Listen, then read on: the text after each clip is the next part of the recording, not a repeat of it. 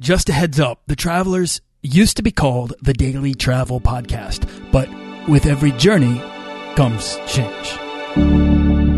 This podcast is produced by Holocene, a community of creative travelers. If you want to get serious about planning that next trip, writing that book, starting that creative project, or launching that business, we're breaking down the barriers between where you are where you want to be together at joinholocene.com. That's join, H O L O C E N E.com.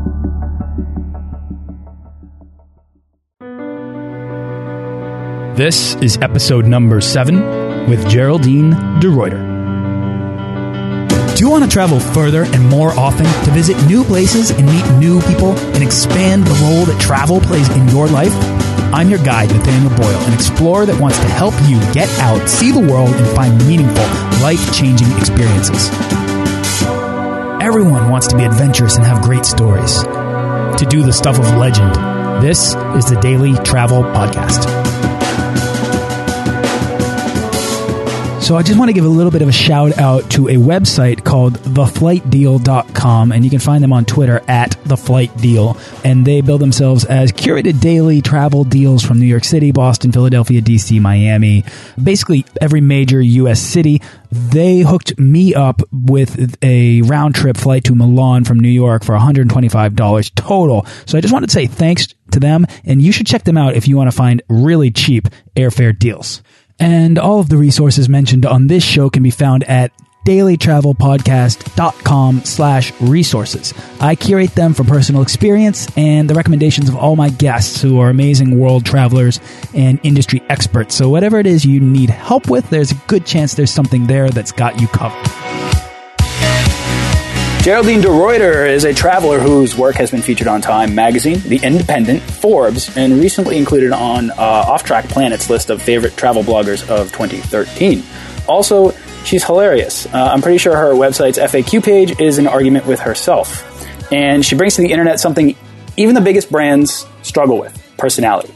So naturally, I had to have her on the show. Geraldine, welcome to it. I'm thrilled to have you. Oh, I'm thrilled to be here. Thanks for such a wonderful intro. I'm not sure if I'm worthy of it. oh, definitely, definitely. Where are you coming from right now? Right now, I'm at home. I'm in Seattle. Seattle. I love Seattle. I do too. are you from there originally, or did you? Uh... I am. Yeah, yeah. I lived in Florida for a little bit as a kid, but uh, I consider myself a Seattleite, and this is probably my favorite town in the world. I am very big on Seattle. Um, if only, possibly only for Victrola Roasters, who makes some of the best coffee. They do. They're excellent. Yeah, my husband's a big fan of them. Huge. All right. Um, I've given an extremely brief overview, but uh, I want you to tell us about yourself, who you are, and how you got started traveling. I'm trained. I, I, don't even know if I can say I'm trained or my background is in journalism because it's been so long since I've done that. But that's what I went to college for. I was a journalism major at the University of Washington. And after that, uh, you know, I had a bunch of kind of run of the mill office jobs. I was an office manager and I was an admin and I was working my way up that way. And I eventually got into copywriting, which I really enjoyed. Um, so I was a copywriter at a toy and game company here in Seattle. And then in 2008, I got laid off. We all had kind of seen it coming. Um, and so we were, you know, it was the last days. I mean, we all basically had senioritis because it's like, well, there's no more products to work on we're just gonna, you know, we're just gonna take a long lunch and maybe go shopping. so, uh, so towards the end of that, I had a trip planned to Italy with a good friend of mine. And I remember my boss telling me, just go, just, just go and have a good time and don't worry about what's going to happen here. Uh, so I went and I received, I remember it being a text message, but I think it might have been an email from a coworker of mine. And he said, Hey, we've all been laid off. And I said, well, who's we? And he said, well, you and me and everyone we've ever worked with. I'm like, all right, good to know. So I was in Naples at the time and I fortunately had already had the presence of mind to have a couple glasses of wine. Perfect um, timing.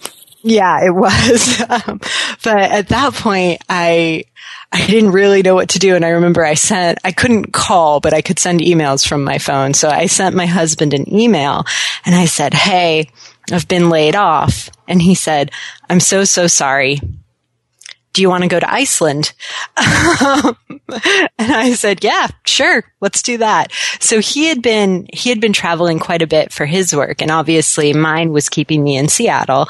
Um, so there were, uh, there was a little while there where we were not seeing much of each other.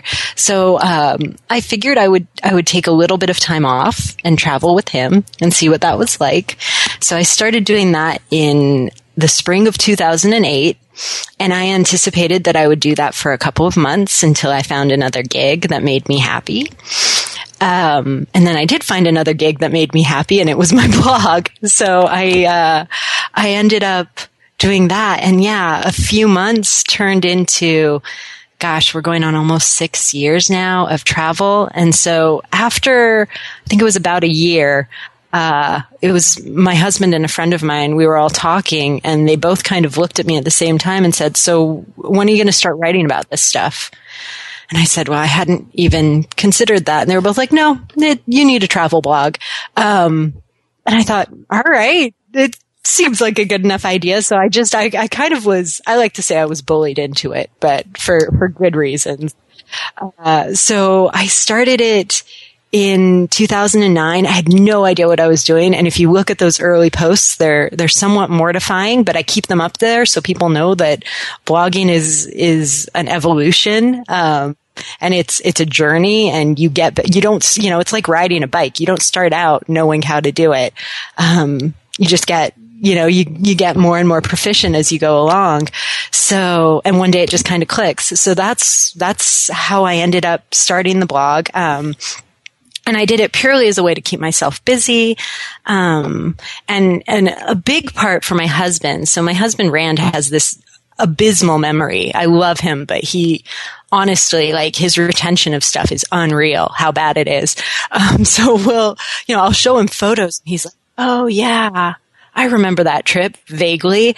Uh, so I started writing about you know, the things that we did together or the things that I did on my own uh, during our trips. So he would have, you know, an idea of what was going on and, and be able to remember things a bit more clearly. So there it is. And then it ended up being what it is now. So yeah, not a, not an, ex- it was not what I expected it to be. Things have, have turned out to be, yeah, wonderful and, perhaps a lot bigger than I had ever imagined. I just thought it was going to be a little blog that nobody read. So it's pretty exciting. So many of these stories uh, start with a life change, you know, and then people start doing it. And even if you kind of fumble your way into it, to become a traveler, you kind of have to accept there's a, a big, there's a big change. A bit, it's a big difference in your lifestyle. I'm wondering if uh, at some point, so you started traveling with your husband uh, and you started writing about it and things kind of took off. At some point in, in that process, did you reach a point where you knew you would kind of never stop traveling or you had become a traveler?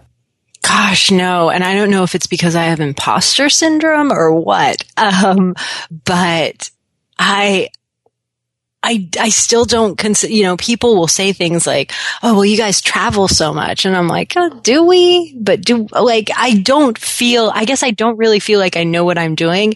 And when I meet people who are travelers or travel bloggers, they're so, they seem so with it and they're so together and they're like, oh yeah, I just was in, you know, Southeast Asia yesterday and now I have absolutely no jet lag because I have mastered that. You know, they, they're just so, so polished and with it. I'm like, I'm not that cool. I don't have that, technical material waterproof jacket that packs up to, you know, the size of a quarter and then unfurls and is, you know, wrinkle free. Like I can't do that. I constantly, after a two hour flight, I look like I've been traveling for three days. Would you say that you have a travel style or are you kind of suggesting that you are kind of, you have an anti style?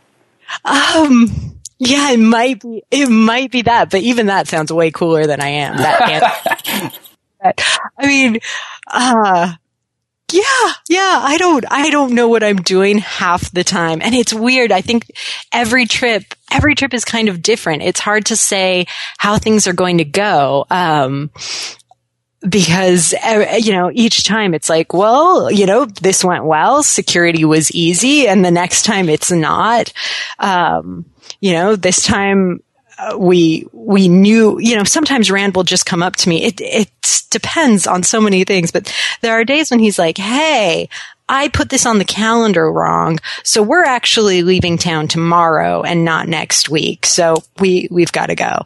I'm, okay. So now the tone of the entire trip has changed. It's kind of started on this frenetic note. Maybe my style is that I'm woefully unprepared. So you're just fumbling your way around the world. Yeah, yeah. I, I love it.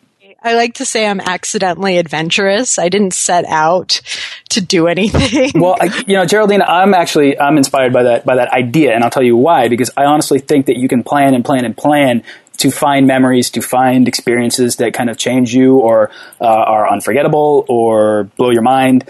And the more you look or the more you plan, the less likely you are to find them. And I often yeah. often find that like you really when people travel, they kind of open themselves up to experience and they become more aware of what's happening to them. And uh, I think that if you put yourself in a position where you have an expectation or you plan on something, you might have a great time, but it's really it's the unexpected stuff that really kind of catches you off guard. That really uh, becomes a memorable moment or becomes a life changing experience. Um, and I think that if you don't know what you're doing, you're probably more likely to run into those. Absolutely. No, I think that's absolutely true. And, you know, some of the I would say some of the more remarkable experiences we've had have been those days where it's like, hey, you know, let's uh, let's go wander through this courtyard, or let's take a look at this market or this festival or whatever's happening, and and you end up uncovering something amazing that you you know you didn't even know was there. So that's always a exciting experience, and and I think there is some truth to, gosh, the more you plan and the more expectations you put on something, like I'm going to go here and I'm going to have a life changing event and it's going to be amazing. Like that's not you know know, that's not how it works. It like that. It's not, and it's it's really. I mean, I, am I'm a big believer that the and, and kind of why I'm doing this show and why I'm talking to people like you is because I'm a, I'm a huge believer that despite all the noise, despite all the bloggers, despite all the travel guides, all the television shows, the world is largely undiscovered because it's all relative to your experience. Absolutely. And, and uh, you know, I, I, don't know. I, I really like to hear you be like, I don't have a plan. I just hit the ground you know, uh, and and I figure it out. And if it takes me two and a half hours to go, you know, five train stops or whatever, is what happens, and then, and then you end up having a uh, you end up having a great experience. Um, yeah. Let me ask you: uh, Do you have a favorite travel quote that inspires you in your travels? my mantra i mean like my travel mantra on how you should behave is a quote but it it's not specific to travel but i think it's it's really just a good one uh, to live by and it's um it's from those great philosophers, Bill S. Preston Esquire and Ted Theodore Logan. Um, Uh, and it's be excellent to each other. So I I think that a lot in my travels because oh, I, I, think it. the majority of the the problems that we we hit up in our everyday life, and particularly in travel, is that we lose sight of that. You know, when you see somebody having a problem in security, uh, in the security line or just you know at, at the check-in at a hotel. It's like we've we've stopped being excellent to one another, so we need to do that. For sure, definitely. Oh, no, I love that. I love that. I want to also give you another quote, and this is kind of relating to what we were just talking about. But the quote is. Even a miserable travel experience can make a great story. When things go awry, I remind myself, this will be funny eventually, and I've found that most things are. That sounds familiar. That sounds like something you might have said. Um, yeah. Is that from my blog? Yeah, I believe it is. Yes. Okay. I thought it sounded familiar. Yeah. No, I think it kind of it plays directly into exactly what we were just saying. Where um, even if you have no idea what you're doing, if you just let yourself go, even if you have a bad experience. I mean, I've I've been chased by dogs in like four different countries. Okay. And like every time I kind of wish it wasn't happening at the time, but in hindsight, they make for great stories you know? Yeah. And I'd never recommend anybody goes and, and tries to get chased by dogs in Siberia. But the fact of the matter is, in hindsight, that's the story that people love to hear. It's not, you know, oh, my flight was was smooth and uh, you know I went to McDonald's in Moscow or something like that. It's the more exciting kind of uncomfortable bits, the invigorating so bits of travel. That's an important story to uh, to hear for those of us who carry bacon in our pockets. Stop doing that. You know, I wish I could. Oh.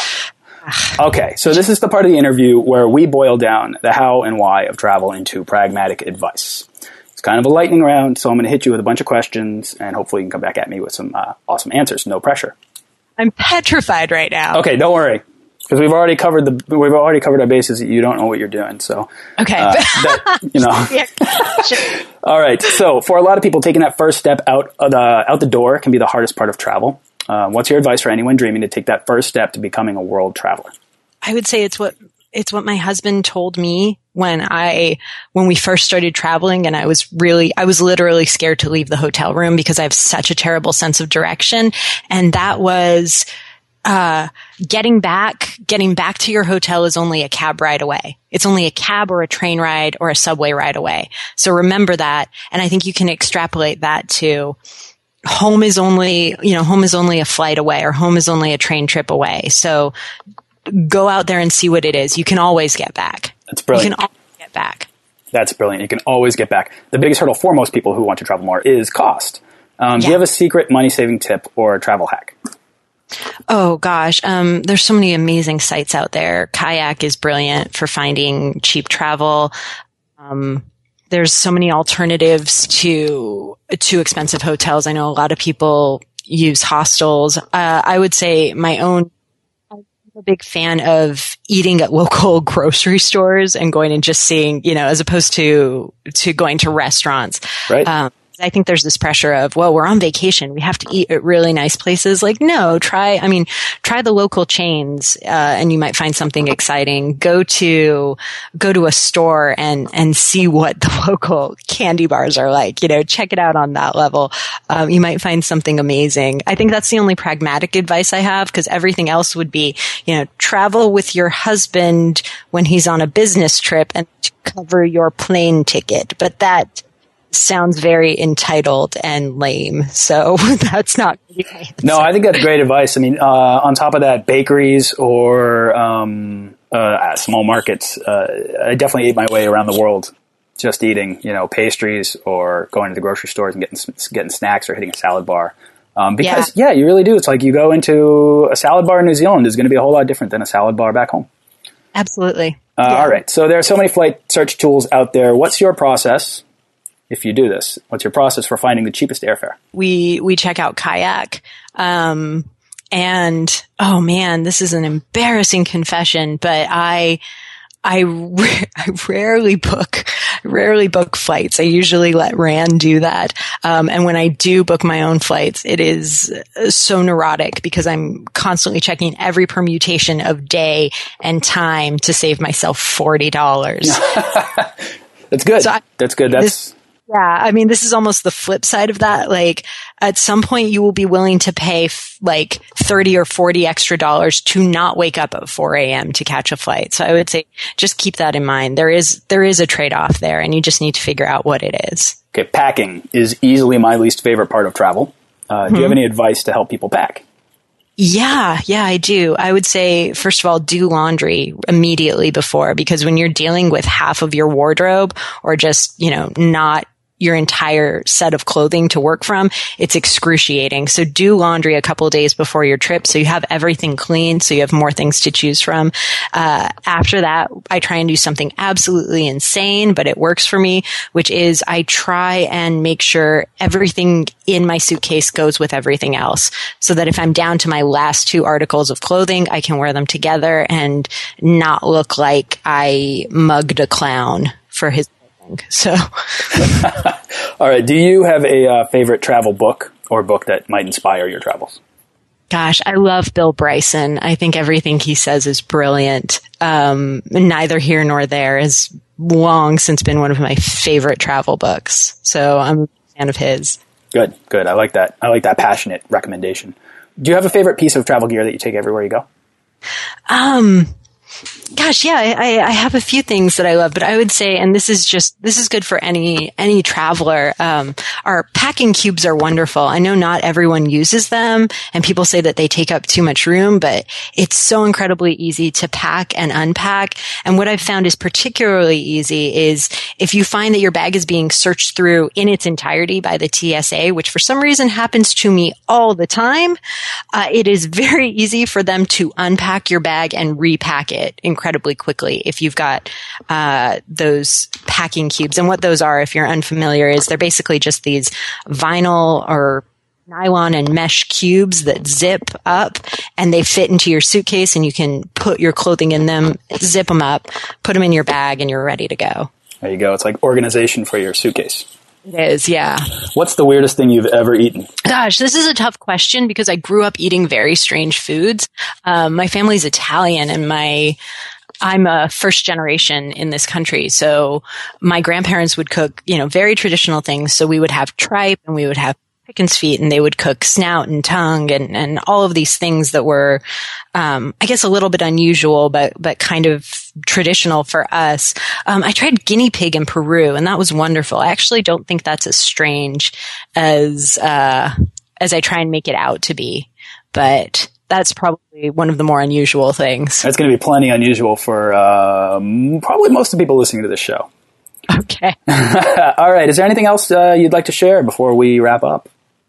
Oh gosh, I don't know. I would, I would just tell people, um, and I always say this, man, if I can do it, anyone can.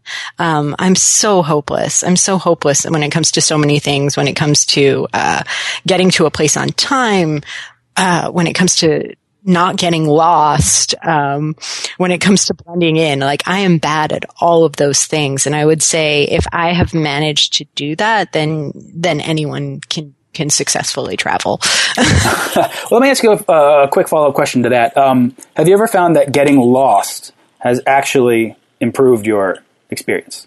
Oh yeah, absolutely. Absolutely. I have to tell myself that because I, I don't have anything to compare it to. I've never not gotten lost. So no, I do, but I do think there's, you know, there's a wonderful journey to be had. Um, and you see, you see so much of the city when you're wandering around trying to find the right bus stop. So yeah. That's amazing. Well, what's next for you? Where's your uh, next trip or what's your next project? I have a, a, kind of a big project in the works. I'm not sure if I'm at liberty to talk about it yet because I, I haven't officially signed anything. So, um, so I'll just put that out there. Exciting things. But yeah, and then I think our our next trip is we're doing some, just some short domestic trips, and then we'll be heading to Europe in a couple months, which should be exciting. And um, and I I think it's finalized, so we can talk about it. We're we were in South Africa at the beginning of last year, and we're going to go back, which should be really exciting. Oh, so love it. Cape Town just blew my head. I can't even articulate the words to like describe it. It was just uh, people were like, wait till you get to Cape Town, just wait. And I was like, okay, fine, it's another city. And I got there and it was like jaw dropped, boom. No, it's beautiful, and you kind of feel like you're at the edge of the world, which yeah. is exciting. Well, you yeah. are, you are in a way. um, really are. So, where can people uh, go to find more about you? let's see, I have a website. It's uh, everywhereist.com. That's everywhere, ist.com. That's also my Twitter handle. Uh, and I'm I'm quite active on on the Twitter too, uh, and I'm on Facebook. Uh, I have the Everywhereist page, but I'm I'm slightly less active there. But uh, you know, I love chatting with people on Facebook too. So I can be found for through a few different ways. Um, and then if you want to chat with me privately or personally, uh, my contact information is on the website. So feel free to shoot me an email. I love talking to people. So accessible. I love it. Okay, Geraldine, thank you so much for coming on the show. Thank you so much for having me. This was a lot of fun, and I'm so glad it was not a video call so you wouldn't see my messy office. Yeah, I haven't brushed my hair today, so there was no way we were going to do that. Good, good. I'm glad. I'm glad. All right, Geraldine, thanks so much. Uh, I hope I can get you back on someday. Uh, good luck uh, with everything. Thank you. Thank you. Okay. Bye. Bye. Thanks for listening to this episode of the Daily Travel Podcast. For show notes and links to everything in this episode and more, head on over to dailytravelpodcast.com. Join our Facebook page of explorers and subscribe to our newsletter for the best deals and resources to help make your next trip life changing.